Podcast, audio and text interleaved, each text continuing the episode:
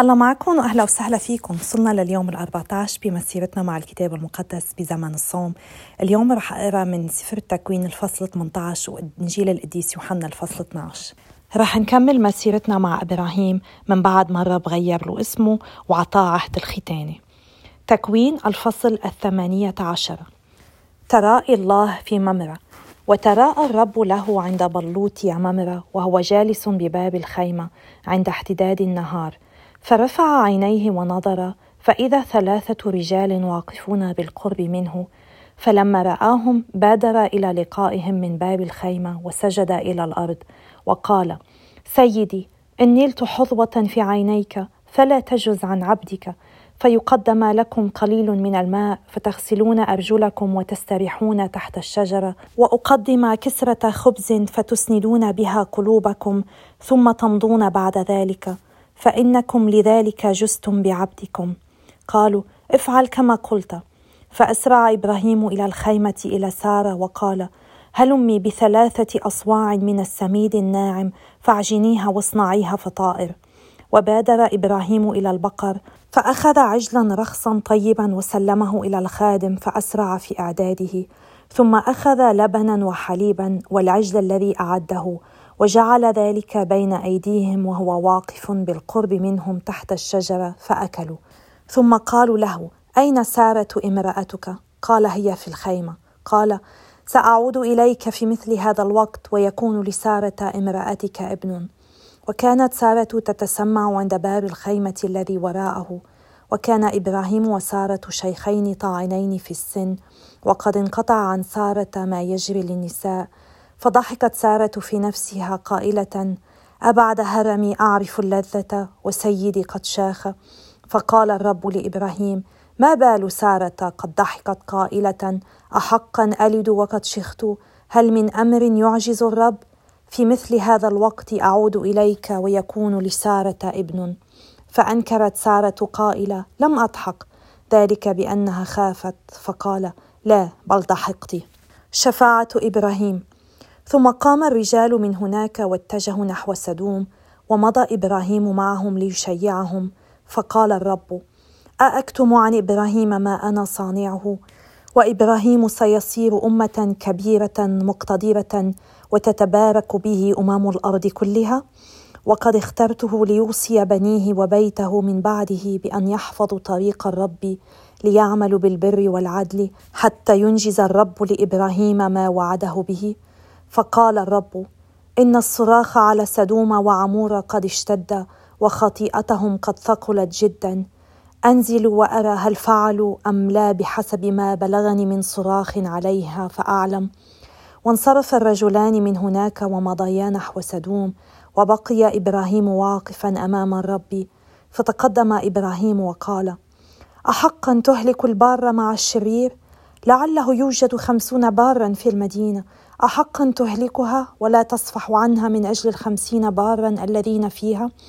حاش لك أن تصنع مثل هذا أن تميت البار مع الشرير فيكون البار كالشرير. حاش لك أديان الأرض كلها لا يدين بالعدل؟ فقال الرب إن وجدت في سدوم خمسين بارا في المدينة فإني أصفح عن المكان كله من أجلهم. فأجاب إبراهيم وقال لقد أقدمت على الكلام مع سيدي وأنا تراب ورماد. لربما نقص الخمسون بارا خمسة. أفتهلك المدينة كلها بسبب الخمسة؟ فقال لا أهلكها. إن وجدت هناك خمسة وأربعين. ثم عاد أيضا وكلمه فقال لربما وجد هناك أربعون. فقال لا أفعل من أجل الأربعين. قال إبراهيم لا يغضب سيدي أن أتكلم. لربما وجد هناك ثلاثون. فقال لا أفعل إن وجدت هناك ثلاثين. قال قد أقدمت على الكلام مع سيدي لربما وجد هناك عشرون. قال لا أهلك من أجل العشرين. فقال إبراهيم لا يغضب سيدي أن أتكلم أيضا هذه المرة الأخيرة. لربما وجد هناك عشرة. قال لا أهلك من أجل العشرة. ومضى الرب عندما انتهى من الكلام مع إبراهيم ورجع إبراهيم إلى مكانه. إنجيل القديس يوحنا الفصل الثاني عشر. دهن يسوع بالطيب في بيت عنيا. وقبل الفصح بستة أيام جاء يسوع إلى بيت عنيا حيث كان لعازر الذي أقامه من بين الأموات. فأقيم له عشاء هناك وكانت مرتا تخدم وكان لعازر في جملة الذين معه على الطعام. فتناولت مريم حقة طيب من الناردين الخالص الغالي الثمن ودهنت قدمي يسوع ثم مسحتهما بشعرها. فعبق البيت بالطيب فقال يهوذا الإسخريوتي أحد تلاميذه وهو الذي أوشك أن يسلمه لماذا لم يبع هذا الطيب بثلاثمائة دينار فتعطى للفقراء؟ ولم يقل هذا لاهتمامه بالفقراء بل لأنه كان سارقا وكان صندوق الدراهم عنده فيختلس ما يلقى فيه. فقال يسوع دعها فإنها حفظت هذا الطيب ليوم دفني. إن الفقراء هم عندكم دائما ابدا وأما أنا فلست عندكم دائما ابدا. وعلم جمع كثير من اليهود أن يسوع هناك فجاءوا لا من أجل يسوع فقط بل ليروا أيضا لعازر الذي أقامه من بين الأموات. فعزم عظماء الكهنة على أن يقتلوا لعازر أيضا لأن كثيرا من اليهود كانوا ينصرفون عنهم بسببه ويؤمنون بيسوع. يسوع يدخل أورشليم. ولما كان الغد سمع الجمع الكثير الذين أتوا للعيد أن يسوع قادم إلى أورشليم فحملوا سعف النخل وخرجوا لاستقباله وهم يهتفون. هوشعنا تبارك الاتي باسم الرب ملك إسرائيل. فوجد يسوع جحشا فركبه كما ورد في الكتاب. لا تخافي يا بنت صهيون هو ذا ملكك ات راكبا على جحش بن أتان. هذه الأشياء لم يفهمها تلاميذه أول الأمر ولكنهم تذكروا بعدما مجد يسوع أنها فيه كتبت وأنها هي نفسها له صنعت. وكان الجمع الذي صاحبه حين دعا العازر من القبر وأقامه من بين الأموات يشهد له بذلك. وما خرج الجمع لاستقباله إلا وقد سمع أنه أتى بتلك الآية. فقال الفريسيون بعضهم لبعض ترون أنكم لا تستفيدون شيئا هو ذا العالم قد تبعه. يسوع ينبئ بموته وقيامته. وكان بعض اليونانيين في جملة الذين صعدوا إلى أورشليم للعبادة مدة العيد فقصدوا إلى فيليبوس وكان من بيت صيدا في الجليل فقالوا له ملتمسين يا سيد نريد أن نرى يسوع. فذهب فيليبوس فأخبر أندراوس وذهب أندراوس وفيليبوس فأخبرا يسوع فأجابهما يسوع أتت الساعة التي فيها يمجد ابن الإنسان. الحق الحق أقول لكم. إن حبة الحنطة التي تقع في الأرض إن لم تمت تبقى وحدها وإذا ماتت أخرجت ثمرا كثيرا. من أحب حياته فقدها ومن رغب عنها في هذا العالم حفظها للحياة الأبدية. من أراد أن يخدمني فليتبعني وحيث أكون أنا يكون خادمي ومن خدمني أكرمه أبي. الآن نفسي مضطربة فماذا أقول؟ يا ابت نجني من تلك الساعة وما أتيت إلا لتلك الساعة. يا ابت مجد اسمك. فانطلق صوت من السماء يقول قد مجدته وسأمجده أيضا. فقال الجمع الذي كان حاضرا وسمع الصوت إنه دوي رعد. وقال آخرون إن ملاكا كلمه. أجاب يسوع لم يكن هذا الصوت لأجلي بل لأجلكم. اليوم دينونة هذا العالم اليوم يطرد سيد هذا العالم إلى الخارج وأنا إذا رفعت من الأرض جذبت إلي الناس أجمعين وقال ذلك مشيرا إلى الميتة التي سيموتها. فأجابه الجمع نحن عرفنا من الشريعة أن المسيح يبقى للأبد فكيف تقول أنت إنه لا بد لابن الإنسان أن يرفع؟ فمن ابن الإنسان هذا؟ فقال لهم يسوع النور باق معكم وقتا قليلا فامشوا ما دام لكم النور لئلا يدرككم الظلام لأن الذي يمشي في الظلام لا يدري إلى أين يسير. آمنوا بالنور ما دام لكم النور لتصيروا أبناء النور. قال يسوع هذا ثم ذهب فتوارى عنهم. عمى اليهود أتى يسوع بجميع هذه الآيات بمرأ منهم ولم يؤمنوا به فتمت الكلمة التي قالها النبي أشعيا. يا رب من الذي آمن بما سمع منا؟ ولمن كشفت ذراع الرب؟ لم يستطيعوا أن يؤمنوا لأن أشعيا قال أيضا أعمى عيونهم وقص قلوبهم لئلا يبصروا بعيونهم ويفهموا بقلوبهم ويرجعوا فأشفيهم. قال أشعيا هذا الكلام لأنه رأى مجده وتكلم في شأنه. غير أن عددا كثيرا من الرؤساء أنفسهم آمنوا به ولكنهم لم يجاهروا بإيمانهم بسبب الفريسيين لئلا يفصلوا من المجمع. ففضلوا المجد الآتي من الناس على المجد الآتي من الله ورفع يسوع صوته قائلا من آمن بي لم يؤمن بي أنا بل بالذي أرسلني ومن رآني رأى الذي أرسلني جئت أنا إلى العالم نورا فكل من آمن بي لا يبقى في الظلام وإن سمع أحد كلامي ولم يحفظه فأنا لا أدينه لأني ما جئت لأدين العالم بل لأخلص العالم. من أعرض عني ولم يقبل كلامي فله ما يدينه. الكلام الذي قلته يدينه في اليوم الأخير لأني لم أتكلم من عندي بل الآب الذي أرسلني هو الذي أوصاني بما أقول وأتكلم وأنا أعلم أن وصيته حياة أبدية فما أتكلم به أنا أتكلم به كما قاله لي الآب. بسم الآب والابن وروح القدس الإله الواحد آمين. نشكرك يا رب عم حبتك الماء لحدود نشكرك يا رب لأنك عم تغمرنا برحمتك. بعدك عم تشرق شمسك علينا كل يوم. رغم إننا غرقانين بالخطية وعم نفشل نعيش تعاليمك عم نفشل بإننا نسمع كلمتك ونعيش حسب إرادتك. يا رب أنت سامحنا وأعطينا بهالزمان المقدس. نرجع لعندك يا رب نتوب ونرجع لك يا رب. آمين. بسم الآب والابن والروح القدس إله واحد. آمين. قرينا بسفر التكوين إنه بيقولوا الرب ظهر لإبراهيم وبعدين بيقولوا لنا ثلاث رجال كانوا قدامه. وإبراهيم طلب إنه يستضيفهم. هيدا المشهد بيذكرني بأيقونة كثير شايفينها هي بالكنيسة الأرثوذكسية أكثر ثلاث ملايكة بأجنحتهم قاعدين حوالي طاولة وبالنص في كاس بيناتهم. وإذا بنطلع بوجاه ثلاث ملايكة بنلاقي إنه وجاههم تقريبا هي ذاتها. هيدي الأيقونة هي نوع بترمز للثالوث الأقدس مش هي تجسيد للثالوث الأقدس. هيدا المشهد هون بهالمقطع اللي قريناه القديس أغسطينوس بيعتبره إنه بيرمز للثالوث الأقدس كمان لأنه آه، إبراهيم لما كان عم بيجاوبهم كان عم بيحكي كأنه عم بيحكي مع شخص واحد وإبراهيم سجد قدامه. يعني في حدا عظيم قدامه. البعض بيعتبروا إنه يمكن الشخص اللي كان عم بيحكي معه وعم بيسميه سيدي هو الرب يمكن صورة عن المسيح اللي بده يتجسد بعدين ومعه ملاكين.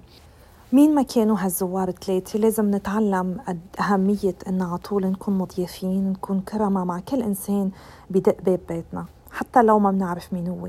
الرسالة للعبرانيين بتقول إنه يمكن أيام نستضيف ملايكة مثل ما عمل إبراهيم.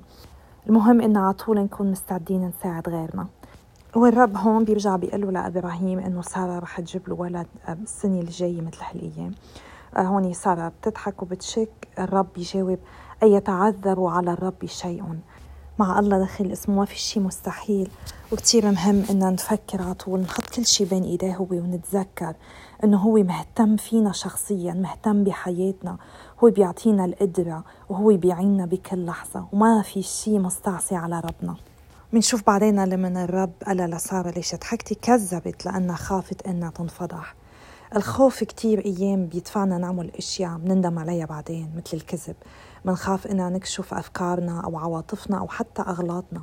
بس الكذب على طول بيوصل ليعقد الأمور أكثر أو للحقيقة على طول هو الأنسب. إذا نحن ما فينا نكون صريحين مع ربنا ونخبره شو في بقلبنا ونعطيه مخاوفنا وأفكارنا نحن عن جد بخطر أكثر ما بنتصور. لأنه لازم نفتح قلبنا للرب اللي هو بده علاقة شخصية معنا اللي هو بحبنا. وفرجانا عمدى هالسنين محبته العظيمة إلنا اللي ما لها حدود ورحمته اللي بعده فايض علينا. بنقرا بعدين إنه الرب قال له لإبراهيم إنه هو رايح على صدوم ليدمرها مش لإنه بده ينتقم إنما بده يحقق العدالة، العدالة هي لما بتعطي الشخص شو بيستحق. بينما الانتقام لما بتكون غضبان وبدك تصب غضبك على الشخص الثاني سواء كنت حقاني أو مش حقاني.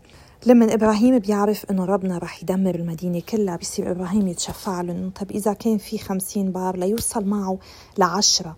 وبنسمع الرب بيقول له إنه حيعفي عن المدينة إذا بيلاقي فيها عشرة أبرار. ونشوف بهالمشهد قديش ربنا كان رحوم إنه عم يسمح لإبراهيم يتشفع للمدينة. ومنعرف إنه رحمة ومحبة الله الكبيرة إلنا دفعته يبعث يسوع يتجسد ويصير واحد منا ويكون هو الشفيع بيننا وبين الله. بإنجيل قديس يوحنا اليوم وصلنا لست أيام قبل الفصح. وفي وليمة عشاء وإجت مريم أخذت عطر كتير غالي ودهنت إجرين يسوع فيه. بيعادل أجر سنة كاملة. 300 دينار بتعادل تقريبا 30 ألف دولار. اللي بيسمع يهوذا عم يحكي بيقول معه حق لازم نستخدمهم لنساعد الفقراء. بس الرب يسوع بيعرف شو في بالقلب بيعرف إنه هو ما عم يحكي من وراء محبته للفقراء إنما لأنه عم يطمع بهالمبلغ هو. والرب عطول بيعرف شو في بقلوبنا. من هيك كتير مهم إن نكون حريصين إنه أعمالنا عن جد بتنطبق مع نوايانا ومع شو في بقلوبنا ومع أقوالنا كمان. جواب يسوع ليهوذا دعها فقد احتفظت بهذا العطر ليوم دفني لأن الفقراء عندكم كل حين. أما أنا فلن أكون عندكم في كل حين. بذكرني بأيام هيك العالم لما بيشوفوا مثلا الكيس مذهب من برا أو لونه ذهبي بالقداس ويصيروا يقولوا لو الكنيسة بتبيع هدول وبتطعمي الفقراء. بوقت اللي مننسى نحن قديش منهدر مصاري ومنهدر من آه، وقتنا ومنهدر من مصادرنا اللي رب عطينا إياها لنستخدمها لمجد ولخدمة خيرنا الإنسان. بس منعلق على الأشياء اللي للرب يسوع مثل ما عمل هوني بالذات يهوذا الإسخريوطي الرب يسوع مش عم بيقلنا لازم نبزخ على الكنيسة ونهمل خينا الإنسان لا. بس هون الرب يسوع كان عم بيعلم يهوذا الدرس ثمين عن قيمة المصاري. بس للأسف يهوذا ما فهم لأنه باع بعدين الرب يسوع مقابل 30 قطعة من الفضة. لازم كتير ننتبه إن ما نوقع بغلط يهوذا ونصير مشغولين بتجميع المصاري لمصلحتنا الشخصية. أو بدنا نحسكن لأيام شيخوختنا.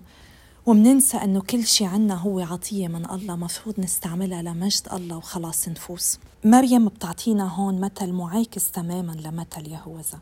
الأرجح أنه هالعطر كان بيرمز لكل مدخرات حياتها كل شيء حسكته وجمعته وعطيته للرب. بتعلمنا بعطاء الكريم إن نسلم ذاتنا للرب وما نعتل هم. ما نخاف شو بده يصير من بكرة. نسلمه اللي عنا نسلمه حياتنا ونوثق فيه هو. عطيت كل شي عندها لتفرجي عن محبة عظيمة للرب. ما فزعت تبين عن إيمانها بالرب. عكس اللي بعدين بنسمع عنهم من الرؤساء اللي آمنوا بس فزعوا يبينوا عن إيمانهم بالآية 42 و 43 مهم نراجع حياتنا ونشوف نحن عم نسعى نرضي مين؟ نرضي الله ولا نرضي البشر؟ موافقة مين بدنا على الطريقة اللي عم نعيش حياتنا فيها؟ بعدين عم نقرأ إنه يسوع فات على أورشليم راكب على جحش مثل ما قال النبي زكريا لا تخافي يا بنت صهيون فإن ملكك قادم إليك راكبا على جحش أتان. وهيدا الركوب هو رمز للسلام والتواضع لأنه الرب يسوع على طول بيتواصل معنا بروح تواضع. هو ما بيفرض حاله علينا ما بيفرض أنه نحن بدنا نعمل له عرش بقلوبنا. بالعكس هو بيدعينا أن نفتح له قلبنا. بس هو ما بيفوت بالقوة. إذا بتتذكروا الباب اللي يسوع عم بدق عليه ما في له مسكة من برا لأنه هو ناطرنا نحن من جوا نفتح له قلبنا ليفوت. من كم سنة سمعت أول وعظة لكاهن ابتسم جديد وقال إنه بيطلب من الرب يسوع إنه هو يكون هالجحش اللي بياخد يسوع وين ما الرب بده. شو حلو هالتعبير؟ شو حلو إنه عن جد نسلم الرب حياتنا ونقول له أنت قودنا وين بدك يا رب؟ أنت خدنا. وين بدك إن نكون إيديك؟ وين بدك إن نكون إجريك؟ وين بدك إن نكون قلبك؟ وين بدك كلماتنا يكونوا كلماتك؟ أنت خدنا يا رب واستعملنا. نقرأ بعدين الرب يسوع عم بيعطينا مثل عن حبة الحنطة. هالصورة الحلوة عن الذبيحة اللي بده يقدمها الرب يسوع. إذا ما اندفنت حبة الحنطة هالقمح ما رح تنتج وما رح تكون سنبلة قمح بتعطي حب كتير. وإذا ما مات الرب يسوع ليبين سلطانه على الموت وقيامته ما رح تثبت إنه في حياة أبدية. هيدا درس إلنا نحن. إذا نحن ما متنا عن ذاتنا كمان ما رح نقدر نوصل ونملك مع الرب يسوع. لازم نموت عن ذاتنا ونسلم ذاتنا للرب لحتى هو يعبي حياتنا وهو يقودنا للخلاص الأبدي. يسوع بعدين اضطرب لأنه قربت ساعته بس ما هرب إنما مجد بيو السماوي. بيعلمنا هالشي إنه نحن كمان بالمواقف الصعبة إنه نطيع ربنا نعمل بإرادته ونمجد اسمه. رغم إنه نحن مش حينطلب منا أبدا نعمل شي شبيه باللي عمله الرب يسوع. بالختام الرب يسوع بيقلنا إنه هو اجى على الأرض مش ليديننا إنما اجى ليفرجينا الطريق للخلاص والحياة الأبدية. وعلينا نحن نختار الطريق اللي بدنا نمشي فيها إذا بدنا نمشي مع الرب يسوع أو بدنا نمشي بعكس هالطريق مع الشرير. ونتائج قرارنا رح تدوم للأبد. هي رح تحكم وين حنقضي أبديتنا. إن شاء الله بنكون من الشطار اللي بيخلصوا نفسهم وبنعرف كيف نمشي مع الرب ونتبع تعاليمه ونرفض نضل عايشين بالخطية بعيد عنه. إن شاء الله هالقراءات اليومية والتفسير بيكونوا على فرصة إلنا إن نقرب منه لبيوم من الأيام نوصل كلنا لعنده على السما بتشكر إصغائكم وصلواتكم ومتابعتكم لهالتسجيلات وتشجيعاتكم. والله يباركنا جميعا ويقدسنا.